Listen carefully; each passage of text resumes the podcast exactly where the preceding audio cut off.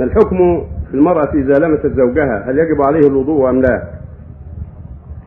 لمس المرأة الزوج ولمس الرجل المرأة لا ينقض الوضوء على الصحيح. إذا كان مخرج شيء فلمسها له ولمسه لها لا ينقض الوضوء على الصحيح. بعض أهل العلم يرى أن لمس المرأة مطلق لا ينقض الوضوء. وبعضهم يقول إذا لمسها بشهوة بتلذذ انتقض الوضوء.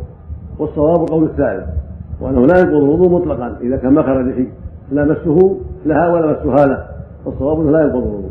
أما قوله جل وعلا ولمستم النساء فالمراد به الجماع كما قاله ابن عباس وجماعة فقد ثبت انه صلى الله عليه وسلم تقبل بعض النساء ثم صلى ولم يتوضأ.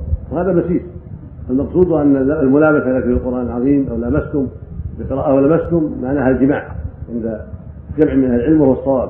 وهو قول ابن عباس وجماعه رحمه الله عليه. نعم.